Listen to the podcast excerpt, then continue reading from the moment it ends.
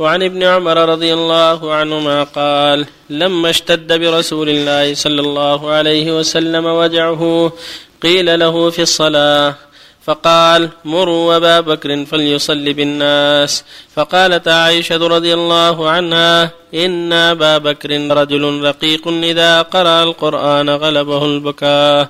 فقال مروه فليصلي. وفي رواية عن عائشة رضي الله عنها قالت قلت إن أبا بكر إذا قام مقامك لم يسمع الناس من البكاء. متفق عليه.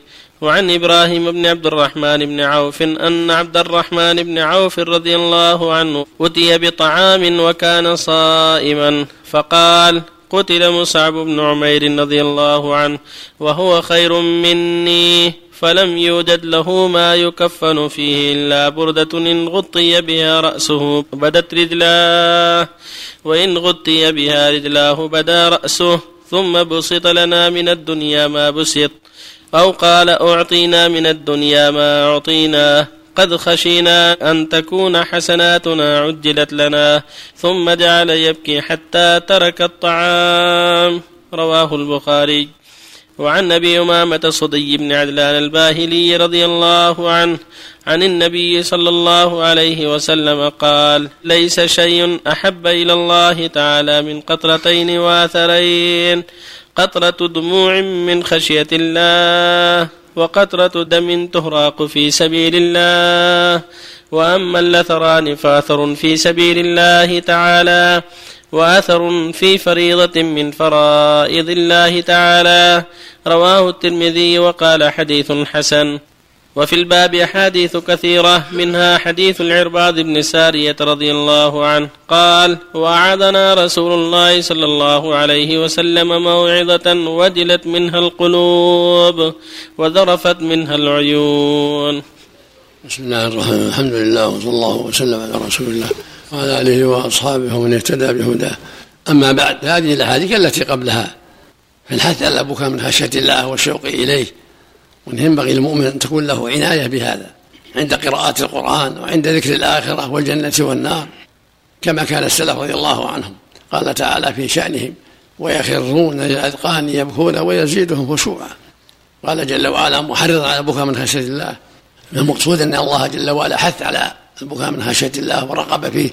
أفمن هذا الحديث تعجبون وتضحكون ولا تبكون وأنتم سامدون فاسجدوا لله واعبدون وفي هذا أن النبي صلى الله عليه وسلم لما اشتد به المرض أمر الصديق أن يصلي بالناس.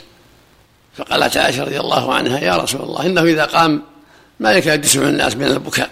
فقال مروا أن يصلي بالناس. فلم يزل يأمرهم بذلك حتى صلى بالناس الصديق رضي الله عنه مدة مرض النبي صلى الله عليه وسلم. هذا يدل على أن البكاء من خشية الله من صفات الأخيار ومن صفات عباد الله الصالحين فإن الصديق أفضل عباد الله. وخير عباد الله بعد الأنبياء وهو صديق هذه الأمة وأفضل الصحابة رضي الله عنهم وأرضاهم.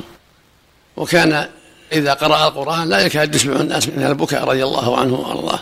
فجدير بالمؤمن أن يتأسى بالأخيار وأن يحرص على البكاء من خشية الله عز وجل يرجو ثواب ربه ويخشى عقابه سبحانه وتعالى. لا رياء ولا سمعة بل يبكي خوفا من الله ورغبة فيما عند الله. وهكذا قصة عبد الرحمن بن عوف رضي الله عنه وهو أحد العشرة المشهود لهم بالجنة. لما قدم له الطعام للفطور وهو صائم تذكر حالهم السابقة وحالهم الأخيرة. وقال توفي مصعب بن عمير قتل يوم أحد وقتل ولم يخلف إلا بردة. يغطي بها رأسه بدا رجله ويغطي بها رجله بدا رأسه. فأمر النبي يغطى بها رأسه وعورته ويجعل على رجليه الإذخر. ثم بسطت من الدنيا ما بسط فنخشى أن تكون حسناتنا عجلت لنا ثم جعل يبكي وترك الطعام رضي الله عنه.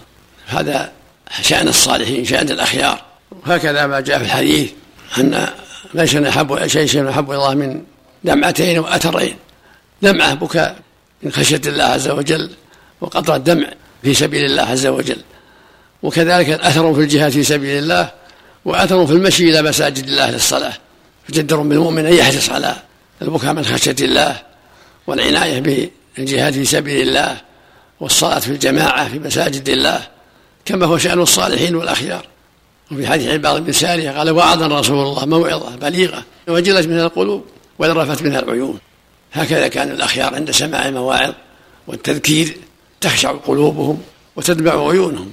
فالمشروع لكل مؤمن ولكل مؤمنة التأسي بالأخيار في البكاء من خشية الله. رغبة فيما عند الله وحذرا من عقاب الله لا رياء ولا سمعة. ولكن للخوف من الله والخشية من عقابه والرغبة فيما عنده جل وعلا. تأسم بالأخيار من الصالحين. ورجاء ثواب ذلك. وفق الله الجميع الراجح في تفسير سامدون الله أعلم يحتاج مراجعة تفسير. قال أنه الغناء أحسن الله يراجع. لا يجوز استخدام النساء إلا محارم. الإثم على من أرسلها. الإثم على من أرسلها. لابد الواجب أن تكون محرم. الواجب أن تكون محرم. الاثم على من ارسلها بغير محرم. إذا كان مستعد للمحرم. صلى الله عليك يا شيخ. من قال أن مراد عائشة رضي الله عنها آه، عن أبو بكر إذا قرأ القرآن غلبه البكاء أن خوفا أن يتشاءم الناس من أبو بكر. يعني قالت هذا لكن ولو ما هي بكاذبة رضي الله عنه وارضاه. رسول الله موعظه وجلت منها لما واضح صلى الله عليه وسلم تذكيره للناس إذا ذكرهم وجلت قلوبهم بكت عيونهم رضي الله عنهم وأرضاهم من مواعظ صلى الله عليه وسلم. السير إلى حلقات العلم هل يعتبر أثر في يرجع له إن شاء الله. عمل صالح. إذا ذهب إلى حلقات العلم أو إلى عياده المريض أو زيارة أخ له في الله كلها يرجع له فيه الخير إن شاء الله. وإذا رآهم على منكر ينكر عليهم منكر. فإن لم يستجيبوا لا يجالسهم. ينصحهم على حسب طاقته. يا إخواني كذا بكلام الطيب. فإذا لم يستجيبوا ومنكرهم ظاهر لا يجالسهم